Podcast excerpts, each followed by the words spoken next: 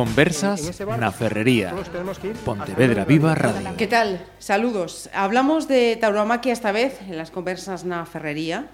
No estamos en el mes de agosto, que es cuando habitualmente, con motivo de la Feria de la Peregrina, abrimos esas eh, tertulias, sino en el mes de enero. Y lo vamos a hacer aprovechando la presencia en Pontevedra de dos de las personas que me acompañan aquí hoy en el estudio de Pontevedra Viva Radio. Así que con el permiso mm, de los tres restantes asistentes voy a presentarles a ellos primero. Don Victorino Martín, bienvenido. Bien hallados. En calidad de ganadero y en calidad de presidente de la Fundación Toro de Lidia. Eso es. Y el maestro Juan Antonio Ruiz Espartaco, bienvenido igualmente. Buenas tardes, muchas gracias. También eh, como matador y como benefactor de, esta, de esta fundación. Además, eh, José Vicente, bienvenido. Muchas gracias, Marisa. En este caso, como presidente del capítulo de Pontevedra de la Fundación Toro de Lidia. Eh, además, el nuevo gerente de la Plaza de Toros, Sermando Rodríguez, bienvenido igualmente. Hola, buenas tardes, gracias. Y como aficionado y miembro de este capítulo pontevedrés, alguien recuerdo que ya es la tercera vez que viene a estos micrófonos, las dos anteriores como escritor. Paco Lozano, bienvenido. Acercaos por favor a, a los micrófonos que os quiero que os quiero ir también. Estoy muy contento. Ellos eh, están aquí eh, como eh, representantes de, de, la, de, la, fundación porque eh, este capítulo de Pontevedra ha ofrecido, porque cuando escuchéis esto, ese encuentro ya ha pasado, un encuentro con aficionados, pero eh, quisiera empezar esta charla hablando de, cómo ha sido la jornada, porque no solamente ha sido un encuentro con los aficionados, sino también eh, con agrupaciones eh, políticas y sectoriales. Contadme, por favor. Pues sí, la verdad es que eh, la delegación, la verdad es que la fundación se fundó hace tres años y es un movimiento civil y queremos un poco darle pues el control, el, el protagonismo a los aficionados a través de las delegaciones que estamos creando por toda España. Eh, Pontevedra creo que fue la segunda o la tercera y ayer hemos creado la sexta en Granada. ¿no? Entonces uh -huh. seguimos creciendo, nuestra intención es hacerlo por toda España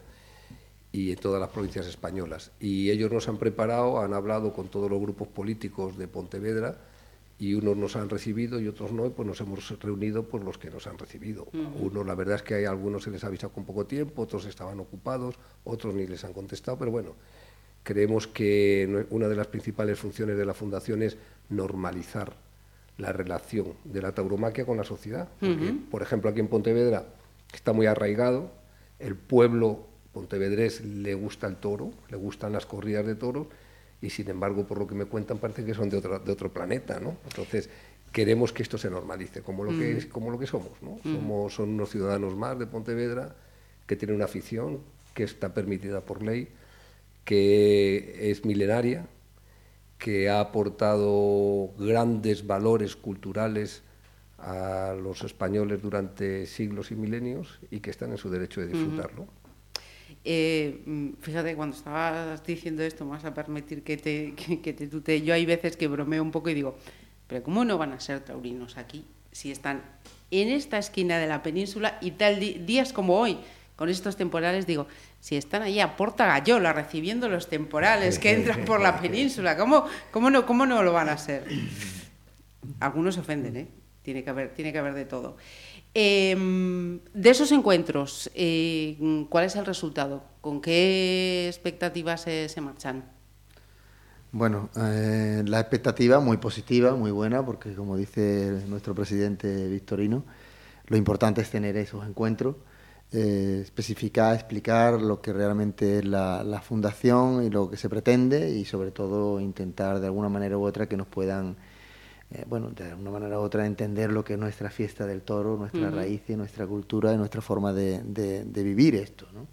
Y que, y que, son nuestras tradiciones, ¿no? Y que uh -huh. al menos lo que queremos ante todo es pues ese, ese respeto que nosotros tenemos por todos los demás, incluso por aquellas personas que pueden gustarle, no gustarle, no ir a los toros o no ir a los toros, eso es fundamentalmente mi máximo respeto para todos ellos, pero bueno, también queremos de alguna manera u otra pues que nos puedan respetar nosotros dentro de lo posible todas aquellas cosas que realmente nosotros intentamos pues bueno llevar a cabo y, difundir con, con, esa afición y sobre todo con esa alegría y con esa digamos eh, tranquilidad de lo que estamos haciendo es un algo importante, no solamente ya ponerte delante del toro, ¿no? sino las vivencias, nuestra forma de vivir, la, transparencia, la responsabilidad, la disciplina, el respeto hacia los demás. Yo creo que esos son cosas, valores que están en el mundo del toro y que queremos transmitirle a todas aquellas personas que realmente, eh, bueno, que no se sientan, digamos, de alguna manera u otra, con que están cometiendo algo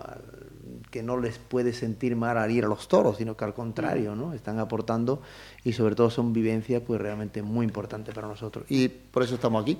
Eh, estar aquí también para mí es una gran alegría, sobre todo porque veo amigos eh, tremendos, porque estoy acompañando a mi presidente que es Victorino y sobre todo una alegría porque yo empecé aquí, fíjate, perdón, yo empecé aquí en Pontevedra. Muchas tardes. Muchas tardes, ¿no? Y empecé. Mi, primero, mi primera vez que yo toré en, con caballo fue en Pontevedra. Tenía 14 años, en ningún sitio lo podía, lo podía hacer o no tenía las oportunidades que tenía que tener y Pontevedra me lo ofreció. Eh, después he venido durante muchos años, aquí cumplí mis 30 años aniversario de reapareciendo para toda esa corrida es una afición en la cual quiero con locura desde mucho tiempo y que me ha dado tanto y, creo que, bueno el estar aquí eh, con el tiempo, con esa tempestad que hablaba antes, Marisa, pero lo importante es que, que aquí se, los toreros venimos con una felicidad tremenda ¿no? y lo que queremos transmitir es que esa felicidad eh, la gente la pueda vivir con nosotros, la pueda sentir. Eh, seguimos fijando la atención en la, en la Fundación, una entidad que está trabajando Em, por distintos frentes. Eh, por una parte, esa, de, esa defensa y difusión de la tauromaquia y me corroborará o, me quitará la razón Victorino si una de las acciones más importantes que, ha llevado la Fundación en el tiempo de su existencia ha tenido lugar este mes de enero. ¿no? Por primera vez comparece ante la Comisión de, Cultura y Deportes del, del Senado para hacer esta defensa. ¿Cómo, cómo fue y, qué efectos prácticos pueden salir de ahí? Nosotros creemos que es una fecha histórica, por, como, por lo que tú has dicho, Marisa. Es la primera vez que la tauromaquia está en, una un, en un comité, en, un, en la delegación de, de cultura de, del Senado, y la verdad es que la repercusión fue muy grande, ¿no? porque eh, no esperaban que nosotros íbamos a plantear las cosas como se plantearon. ¿no? Entonces planteamos las cosas eso de toros y toros no ya es algo muy rancio, es algo ya muy anticuado, ¿no? Entonces aquí se trata de, de, libertad, se trata de poder elegir, se trata de no censurar la cultura y la, la tauromaquia es una de las expresiones culturales más importantes que ha tenido el pueblo español a lo largo de su historia. ¿no? Eh, porque mm, los demás micrófonos están abiertos, ¿eh? mm, sin problema ninguno eh, intervenís. Eh, de, esa intervención había una frase que a mí me gustaría destacar, que es el animalismo, tanto que se pronuncia en los últimos tiempos y se abandera tanto, no es cuidar de perros y gatos, es sacrificar la España rural. Esto es el ejemplo de que no solo el sector de la tauromaquia, se ve eh, atacado y afectado ¿no? pues por, por, esta bandera que ahora se enarbola. Eso lo tenemos muy claro y lo hemos dicho muy alto. ¿no? Eh, la tauromaquia es la primera cabeza que se quiere cobrar el animalismo. El animalismo es una corriente cultural de origen anglosajón y que tiende a aplanar, la cultura anglosajona tiende a, tiende a aplanar todos los fenómenos culturales del resto del planeta. ¿no? Y entonces el animalismo pues eh, es una, de sus herramientas, ¿no? Juegan con el buenismo de la gente, con la buena voluntad y la primera cabeza que quieren cobrarse es la de la tauromaquia, pero detrás viene todo lo demás. ¿eh? Vendría, eh, entonces nosotros planteamos dos cuestiones, una sobre todo, ¿se pueden utilizar los animales sí o no? Si se pueden utilizar los animales hablamos luego, pero si no se pueden utilizar es el animalismo puro y duro y, el animalismo propone igualar al hombre con los animales, de tal forma que el animal no se podría, está en su, está en su ideología, está en su ideario, ¿no? está en su filosofía, está en sus principios. Nada de utilizarlos para espectáculos públicos, nada de utilizarlos para experimentación, nada de, utilizarlos para alimentación animal, pero ni en los animales ni sus derivados. Entonces, acabaríamos con, bueno, tendríamos que ser todo vegano, acabaríamos con industrias como eh, la, industria del cuero, del calzado, de los cinturones, de las prendas de vestir de origen animal, las prendas de lana, de seda. Sí, sí. Y detrás de eso todo lo demás, ¿no? Eh, adiós equitación, adiós, bueno, sería volver a la época de las cavernas, ¿no? Entonces, eso sí no se pueden utilizar. Y si se pueden utilizar, ¿por qué no en una corrida de toros? Porque hay gente que moralmente a ellos no les parece bien. Entonces, por moralidad de algunos vamos a prohibir el hacer cosas a otros que nos enriquece y que nos hace mejores. Entonces volvemos a la época de la censura, volvemos a la época de la Inquisición. ¿Quién es quién? Después de prohibir los toros, ¿qué vendrá después? Nos dirán lo que tenemos que leer, nos dirán lo que tenemos que vestir, nos dirán con quién podemos ir y con quién no. Entonces, esto es muy peligroso. ¿eh? Entonces, los que, por buenismo, por buena voluntad, que yo lo entiendo, eh, se dejen arrastrar por esta corriente, cuidado, ¿eh? que es muy peligrosa, y el final es el que hemos dicho. Y sobre todo, opinamos como dice Juan Antonio, ¿no? como dice Espartaco. Nosotros respetamos a todo el mundo y en una democracia la base de la democracia es el respeto mutuo y la comprensión y el diálogo. ¿no? Entonces lo único que pedimos es que nos respeten como nosotros respetamos a los demás. A los demás. Otra de las eh, de, acción eh, está en, en, los propios festejos. ¿no? Eh, a finales del, año pasado último trimestre, tenía aquí anotado exactamente, eh, presentaron el programa de recuperación de plazas y toros y, novilladas. Ya nos vamos a, a, la, a la, propia actividad. Eh, ¿En qué consiste ese, ese programa? Bueno, pues consiste en... Hay plazas de toros que están hechas, que son lugares que han tenido tradición taurina, y por unos motivos o por otros, pues llevan algún tiempo sin dar festejos taurinos. Entonces consiste en recuperarlas como pues primero, creando un, eh, caldo de cultivo, vamos, que ya estará creado, ¿no? Pues si no está creado es imposible. Organizar a los aficionados de la localidad, hacer actividades para eh, recopilar fondos previos a la celebración del espectáculo y luego hacer un espectáculo, queremos primero con novilladas, con entradas muy baratas y que bueno y para recuperar eh, estos espectáculos o estos festejos de cara a pueblos que ya han tenido y que tienen tradición. Entonces, bueno, queremos empezar poco a poco. La verdad que hay matadores que se van calentando. Hay algunos que ya han dicho, no, no, vamos a recuperar plazas como La Coruña, que es una plaza que tuvo, siempre ha tenido mucha tradición taurina, y que la nuevo, el nuevo Coliseo lo inauguró una corrida nuestra en, en, el año 91. O yo qué sé, o bueno, eh, se van calentando y hablan de La Coruña, hablan de plazas importantes, pero la Fundación de momento quiere empezar de forma más modesta. También hacemos lo de las delegaciones, eh, queremos crear pequeñas delegaciones, bueno, grandes delegaciones de lo que es la Fundación en cada una de las provincias y aquí son ellos de la delegación Pontevedresa, ¿no? Eh, en este caso, José, ¿y algo? te compete? ¿Ahí te ha puesto la muleta? Eso sí, me, ha citado ahora mismo con la mano izquierda. No, escuchándolo, la verdad, eh, el hacer el capítulo de la Fundación del Toro de Lidia aquí en Pontevedra eh, solo tiene un motivo. Es que la gente taurina estábamos silenciados. Políticamente no era correcto defendernos, perdían votos, por lo visto, y un político a la plaza también perdía votos, no se dejaban ver. Entonces, cuando salió la fundación del Toro de Lidia hace tres años y empezó a defender y a decir lo que todos los taurinos pensábamos, pero somos taurinos respetuosos y lo pensamos para nosotros porque es una afición nuestra, interna. Somos una afición silenciosa, que no nos gusta eh, ni malmeter ni poner a nadie entre la espada y la pared. Entonces, cuando salió la fundación y nos empezó a defender y a decir lo que todos pensamos eh, digo, esto es el reto de ayudarles y ayudar muchos taurinos que estábamos callados por mediación del presidente de Vitorino. En el Senado el otro día, un gran ejemplo. Y luego el respaldo que tiene de maestros como el maestro Juan Antonio Ruiz Espartaco y demás familia, eh, no podíamos abandonarlos y tenemos que, que, ir tras de ellos. Y yo sé que la afición de Pontevedra, cada vez que se le llama para un evento taurino, responde y si un día aquí el presidente de la Fundación necesita de la, de la cooperación o, tiene necesidad de, de la afición de Pontevedra, estoy seguro que va a contar con ella. Eh, porque la Fundación cuenta pues, eh, con matadores, con ganaderos, eh, con empresarios, con aficionados, con novilleros, etcétera, etcétera. y la opinión del aficionado y, miembro de este capítulo, ¿cómo, pues, lo ve? Después de escuchar aquí a los maestros, por la verdad. En fin, pero bueno, siempre se puede decir y a mí me sorprendió cuando llegué a Pontevedra y fue... Acércate un poquito más al micrófono, Paco, por favor. Eh, cuando llegué a Pontevedra, creo que fue en el año 72, y sí, vale, y en octubre.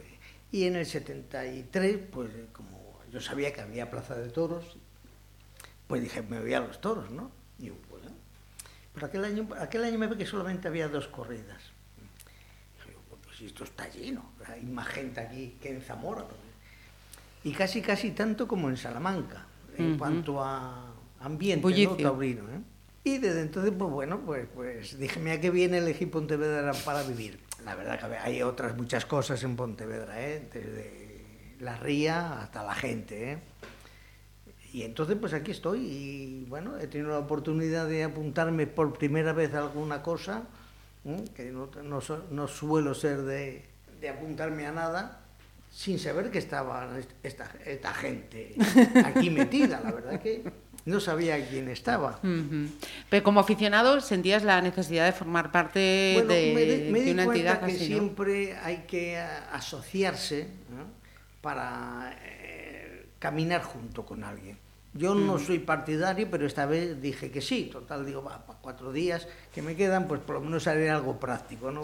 Todo lo pasado, no sé yo ha sido muy práctico.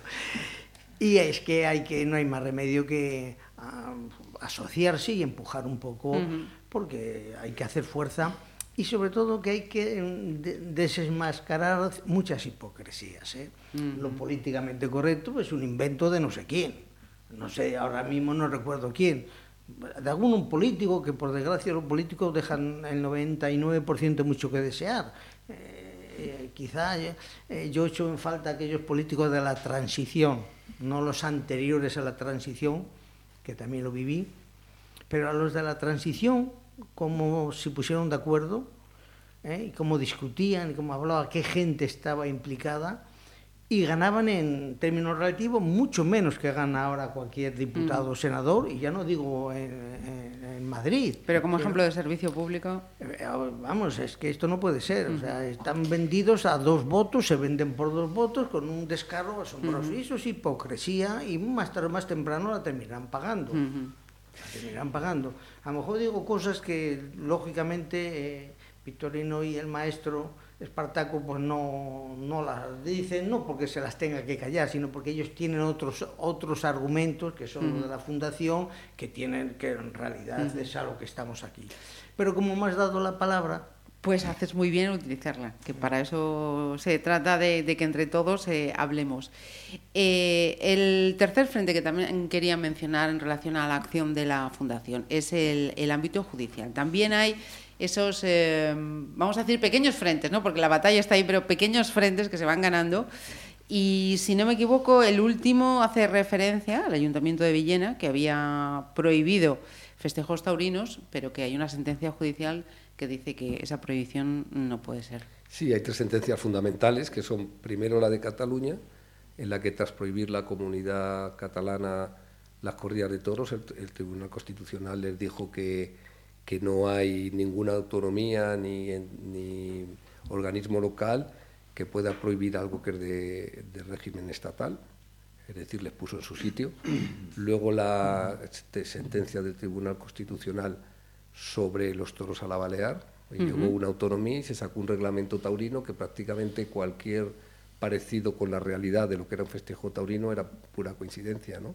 Y le dijo lo mismo, le dijo, bueno, ustedes podrán legislar, pero sin sin alterar el orden normal de lo que es un festejo taurino. Y por último el de Villena, que le dijo el tribunal que no solamente no pueden prohibir los toros que están protegidos por ley en, todos los, en todo el territorio español, sino que también por ley tienen la obligación de protegerlos y de promocionarlos y de difundirlos como patrimonio de todos los españoles.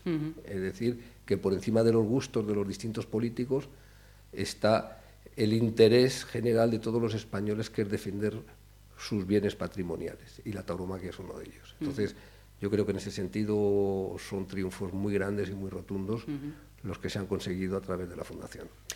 Em, decía antes que quería hacer un ejercicio de, introspección, de mirar hacia adentro del, sector, porque em, pienso ¿eh? y pregunto, eh, en este contexto que venimos eh, viviendo en los últimos años en respecto a la tauromaquia, y me gustaría que participemos todos, como aficionados, como parte de la fundación, como matador, como ganadero, ¿qué parte de responsabilidad han tenido también los agentes que operan dentro de la tauromaquia? Empresarios, ganaderos, toreros, apoderados.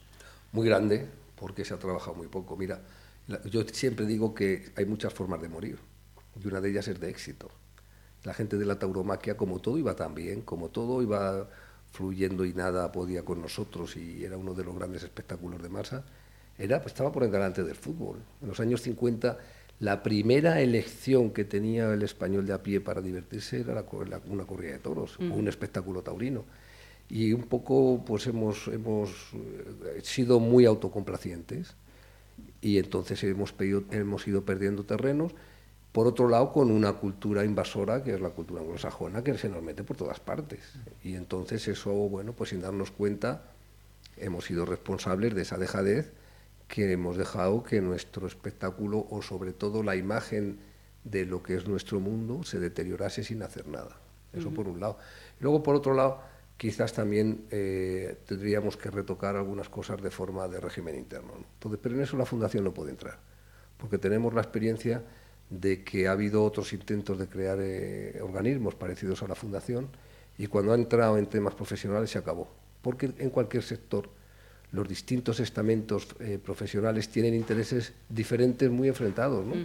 Entonces nosotros lo que sí que hemos hablado es con los estamentos taurinos para que se reúnan, creen la mesa sectorial y entre ellos pues eh, marquen un poco también eh, pues la mejor expresión del espectáculo, etcétera, etcétera. Pero la fundación ahí no puede entrar. No puede entrar porque sería el principio del fin de lo que somos.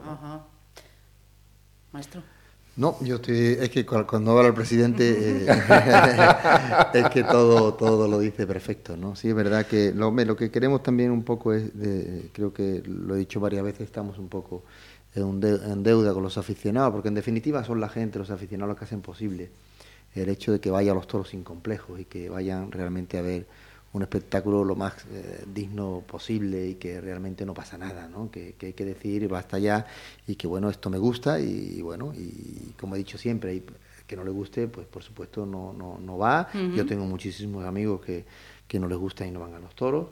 Eh, lo respetan, lo conocen en el campo, saben el, trabajo, el esmero y, el amor que le tenemos al toro y al animal en el campo a la hora de cuidarlo, pero luego no les gusta ir a las corridas y somos amigos, ¿eh? no, no, no hay ningún problema, pero nos respetan. Sí, cada uno su parcela respeta la del Y luego, hombre, eh, estamos hablando de nuestro presidente Victorino, eh, al igual que muchos de los que están en las fundaciones, grandes figuras del toreo que están en activo, pues yo ya estoy retirado, pero que bueno que, que, que, su ganadería ahora mismo es la máxima exponente de lo que realmente es el toro bravo en el campo, está en lo más alto y que bueno pues estamos en todo sitio intentando que nunca es tarde eh, y como dice Victorino, yo creo que mm, cuando hemos tenido muchísimo éxito, de alguna manera u otra parecía que no pasaba nada y que no va a ocurrir nada, y ahora pues nos estamos dando cuenta que tenemos que estar todos más unidos que nunca. ¿no? Y por eso el hecho de estar también en la fundación, de colaborar, de viajar, de estar a todos. Eh, tenemos prácticamente nuestra vida ya realizada, estamos, digamos, al otro lado del río, ¿no? Porque eh, bueno, cada uno en su, en su faceta pues ha tenido sus triunfos, ha tenido sus épocas buenas, sus épocas menos buenas, pero bueno, tiene su vida hecha, ¿no?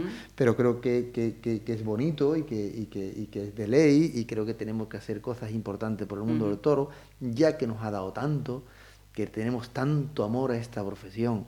Y lo que queremos es que de verdad la gente no solamente mm, que vaya a los toros, sino el amor y el respeto y la admiración que nosotros entregamos al toro.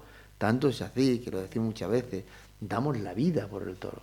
Es verdad que los adelantos de la medicina nosotros quizás pues estamos vivos por los adelantos de la medicina, pero le hemos ofrecido al toro nuestra vida porque, porque creemos que, que, Él nos da tanto y nos ha dado tanto y lo admiramos tanto que se merece todo. ¿no? Yo lo decía ayer cuando estaba en el campo que muchas veces mis hijos menos más que le gustan, cuando muchas veces la ganadería no es un, la ganadería brava en estos momentos está pasando un tremendo situación complicada. Ah, ah, yo tenía un ejemplo. No es como negocio, ¿no? Entonces, más bien como, como, como pérdida, ¿no? Pero siempre digo a mis hijos, tienen el mismo derecho a disfrutar toro en el campo y en la dehesa, tienen el mismo derecho a vivir en libertad, el mismo derecho de, de sentirse libre, como el mismo derecho de, de, de uno poderlo disfrutar, porque uno, yo, gracias a Dios que que no he tenido nunca nada y lo que he conseguido gracias a Dios del toro, pues indudablemente cuando los veo digo, bueno, por lo menos estamos disfrutando los dos de lo mismo, ¿no? ¿Eh? Estamos una admiración mutua. Yo cuando los, cuando los miro, los admiro, los quiero y los amo, ¿no? Y yo supongo que cuando ellos me miran también, por la forma del trato, cómo tratamos al animal, yo creo que también me quieren, ¿no? ¿Eh? y, nadie quiere más al toro que los aficionados y que los toreros y que los ganaderos, porque, porque imagínate criar a un, a un toro durante cuatro años, ¿no? Pues hay veces que cuando lo embarcas es que conoce a su padre, a su madre, eh, a sus abuelos, a sus hijos, hombre, que es, que es una expresión de, amor y de cariño tremendo, pero, pero mirando por el toro y por proteger al toro y las corridas de toro, yo creo que es fundamental, en eso Vitorino sabe mucho más, nuestro presidente, que lo ponemos todo por delante, ¿no? Todo por delante. Y lo que queremos llevar, eh, o queremos decir, o queremos que no sea tarde, y por eso estamos todos unidos y salimos de un sitio para otro, y que hemos creado la fundación para apoyar a los aficionados, que ellos también con su esfuerzo tienen su trabajo, su forma de vida, que también hacen ese esfuerzo, que de alguna vez queremos que nos entiendan, que nos entiendan y que al menos, si no les gustan, que nos respeten. Porque ante todo nosotros nuestro máximo respeto es, es por el, respeto. Eh, eh, yo mm, tengo que, insistir en ese ejercicio de introspección porque creo que además que es, que es bueno. Desde la Fundación entiendo que tienen que guardar sus límites, lo acaba de decir eh, Victorino, pero como aficionados también tenemos que mirar esos errores o esas partes de, responsabilidades que, nos puedan tocar o, o, que tengamos que poner sobre la mesa también los aficionados, ¿no? José. Hombre, yo escuchando aquí al maestro Espartaco y, al monstruo ganadero Vitorino, me doy cuenta en todos los años que llevo de aficionado que ahora remamos todos, me incluyo, todos en la misma dirección. Ganaderos, toreros, aficionados y tal. No hace muchos años, no hace muchos, eh, yo creo que había empresarios, propietarios de plazas, eh, cualquier empresario que no sembraba, llegaba, recogía y se iba. Ahora en estos momentos sí, se está mirando por el aficionado, está mirando, te está preguntando qué es lo que necesitas, qué es lo que quieres, vamos a remar todos en el mismo camino. Y yo creo que en estos tres años de la Fundación, vuelvo a repetir lo que comenté antes, se está haciendo más que muchas familias ilustres de apellidos ilustres en el mundo del toro, que poco o nada habían hecho hasta ahora, que los está haciendo que espabile la Fundación. No sé si tiene mucho que ver aquí el monstruo de la A coronada, de la coronada Vitorino Martín, que debe ser que empuja mucho y bien, y encima con el respaldo que tiene Espartaco los tenemos que hacer espabilar, porque los aficionados necesitamos eso, que despertemos todos. Me vais a dejar a mí como abogada del diablo. Eh, pongo un ejemplo. El año pasado también, una, para mí, una también lamentable noticia con la que cerrábamos el año, es que eh, se perdía una ganadería importante como la que fue Conde de la Maza y ese ganadero, cuando mandó esos animales al matadero, dijo, eh, esto pasa porque mm, los toreros eh, quieren torear lo que quieren torear y los empresarios quieren comprar lo que quieren comprar. Entonces eh, tenemos ahí, se, mira, yo sé que estoy metiendo ahí enfilando, pero creo que, que, es bueno también, ¿no? que, ahí has tocado un tema importante y es dentro de lo que es la cabaña de Lidia, lo que llamamos encastes son razas en sí mismas, porque la distancia genética que hay entre encastes es mayor que la distancia genética que hay entre vacas de leche y vacas de carne. Entonces, de nuevo, nuestros gobernantes y también por desidia de la gente del toro, que no, lo hemos sabido pedir y explicar, se están permitiendo que se pierdan encastes que son una riqueza genética fundamental entonces aquí está protegida la monchina, la, sé, la, vaca asturiana, la, andaluza, la berrenda, la blanca cafeleña. Y sin embargo, lo que, por lo que se nos conoce en todo el mundo y en lo que verdaderamente somos una potencia, que es en esas razas de, Lidia.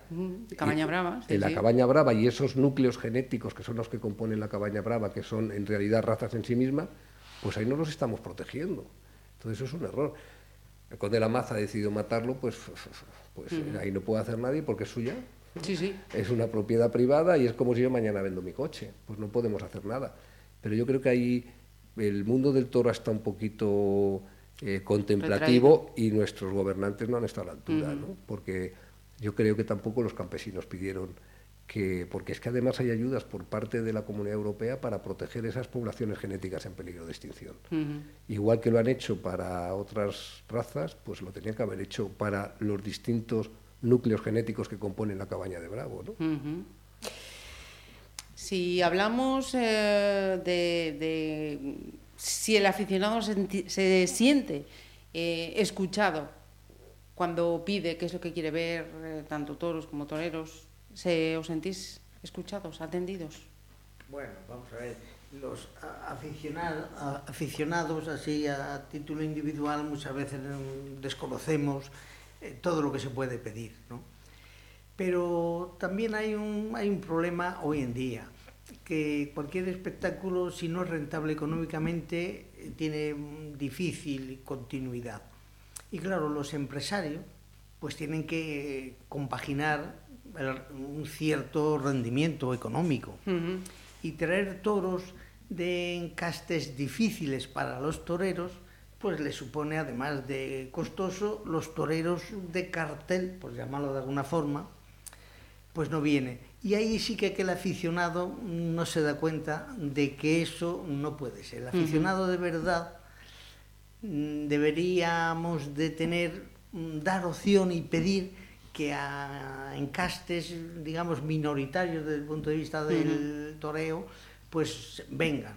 Eh, y que, que matadores, los, los matadores, que igual nos llamados de segunda opiniones, y de tercera eh, vengan. No me obligáis a dar nombres, no, que no, se me va no, a ver el Es que los podemos dar, porque, eh, hombre, yo recuerdo siempre a mi paisano Andrés Vázquez que se la jugaba siempre y, bueno, en muchos sitios no lo llevaba, ¿no?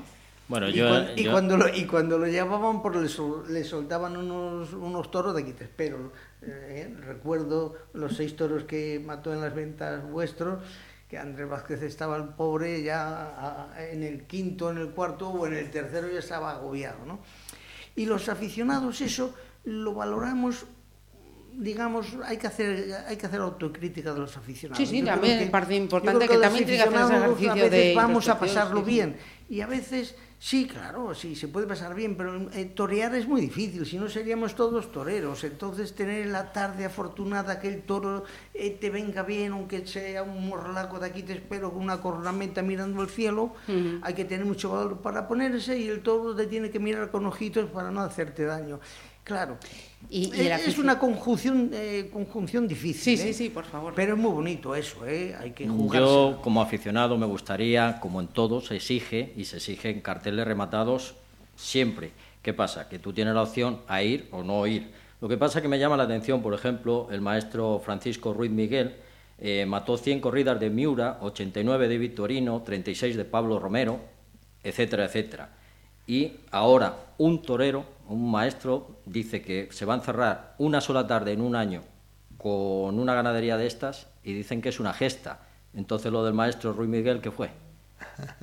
Entonces los, los, taurinos tenemos que exigir un poco también ese remate de corridas. Una corrida dura de Vitorino la torean los 10 toreros de siempre. Se pueden contar con la mano. ¿Por qué no van los figuras? Ahora este año, en Plaza 1 en Madrid, se metió en el bombo a Talavante y le tocó una de Adolfo. Bien, se llenó la plaza. Talavante cumplió o no cumplió, salió bien o no salió bien, culpa de los toros o no, pero nos dio un aliciente a los aficionados que pudimos ir, que estar allí, de movernos por la plaza. Pero muchos aficionados ya estamos cansados a que cuando salen los carteles siempre son los mismos toreros con los mismos encastes. Necesitamos más, porque cuando tú ves que un toro aburre, que es un corre ve y dile, eso no, no hace afición, no crea afición.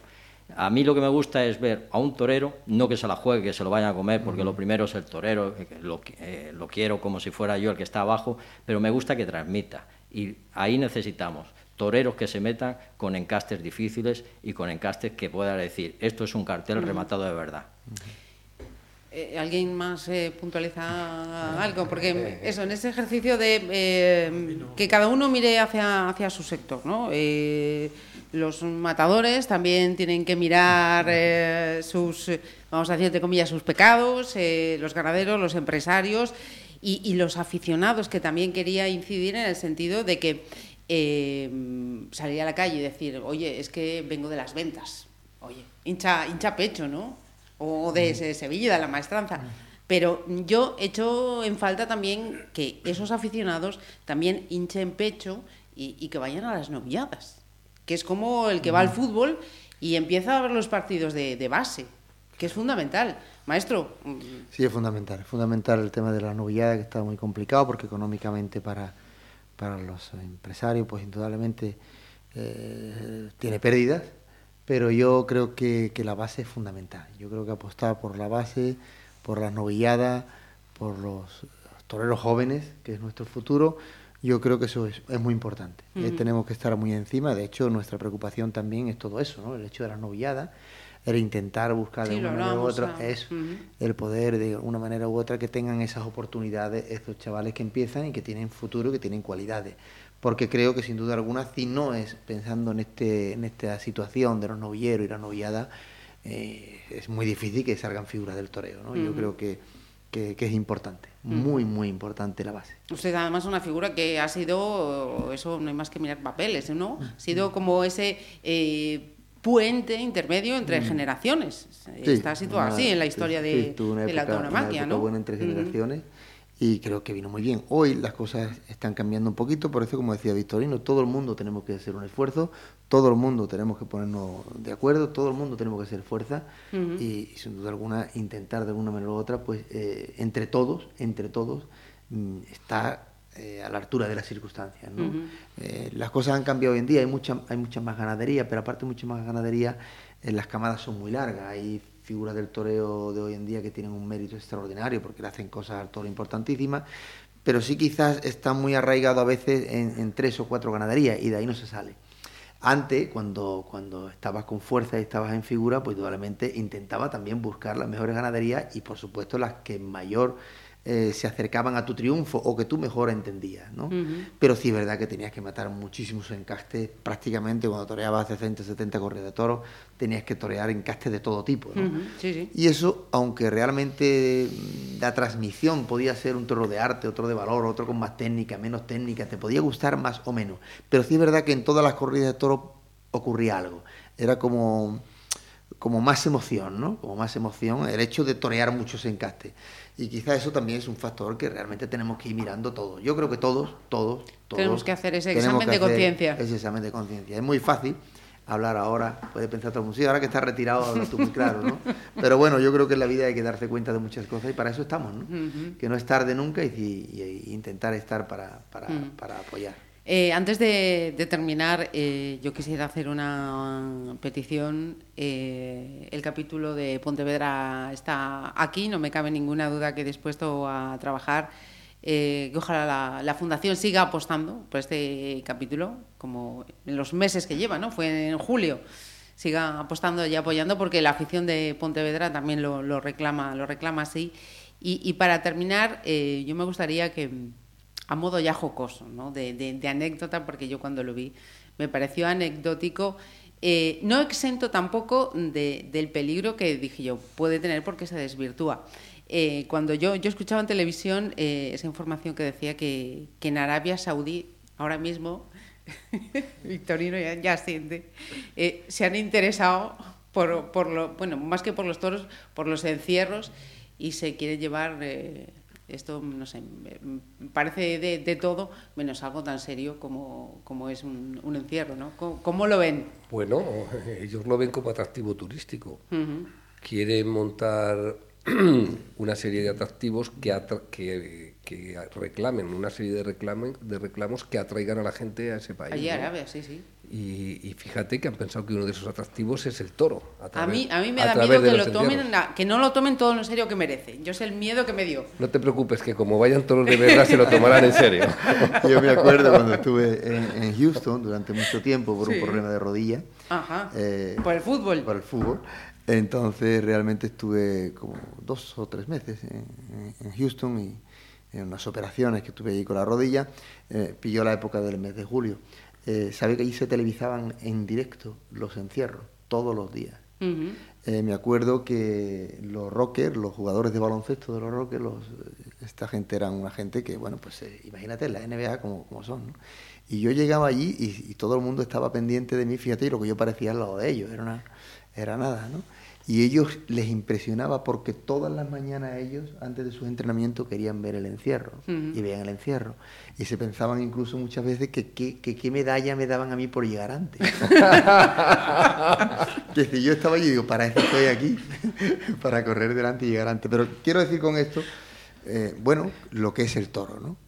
y, el encierro y lo que es la vida del toro y lo que significa el toro mundialmente, ¿no? Que a veces cuando estamos aquí no nos damos cuenta mm, realmente de la repercusión que tiene en el mundo el toro, ¿no? Y que, eh, que, eh, jugadores de primera línea de la NBA que lo tienen todo, que estaban todos, digo ellos porque yo tuve la posibilidad de estar con ellos en, la, fase de recuperación y de rehabilitación con ellos, porque era el mismo médico, el doctor Rocker que me operó a mí, ¿no? Pero, doctor Bosé. Pero, pero, pero era la, la, importancia que le daban al mundo del toro, era como algo como algo, algo único, algo que veían y estaban como locos, ¿no? hay que ver que tenga uno que, venir a Houston para que realmente te valoren, te valoren, ¿no? Te valoren lo de aquí, ¿no? Y, quiero decir esto que, bueno, que para mí me llenó de orgullo, no por uno que ya era un toro, sino por, por, por, mi país y por las tradiciones de, mi tierra. Bueno, pues si las exportan, que sea con todo el respeto del mundo. Eh, José, Vicente, muchísimas gracias. A ti, Servando, Paco, muchísimas gracias también por estar. Aquí no nos falta ni el abanico. Victorino Martín y Juan Antonio Ruiz Espartaco. Muchísimas gracias y que los veamos muchas veces. Si Dios quiere, gracias a ti. Muchas gracias. No sabemos si se Conversas na Ferrería. Pontevedra Viva Radio.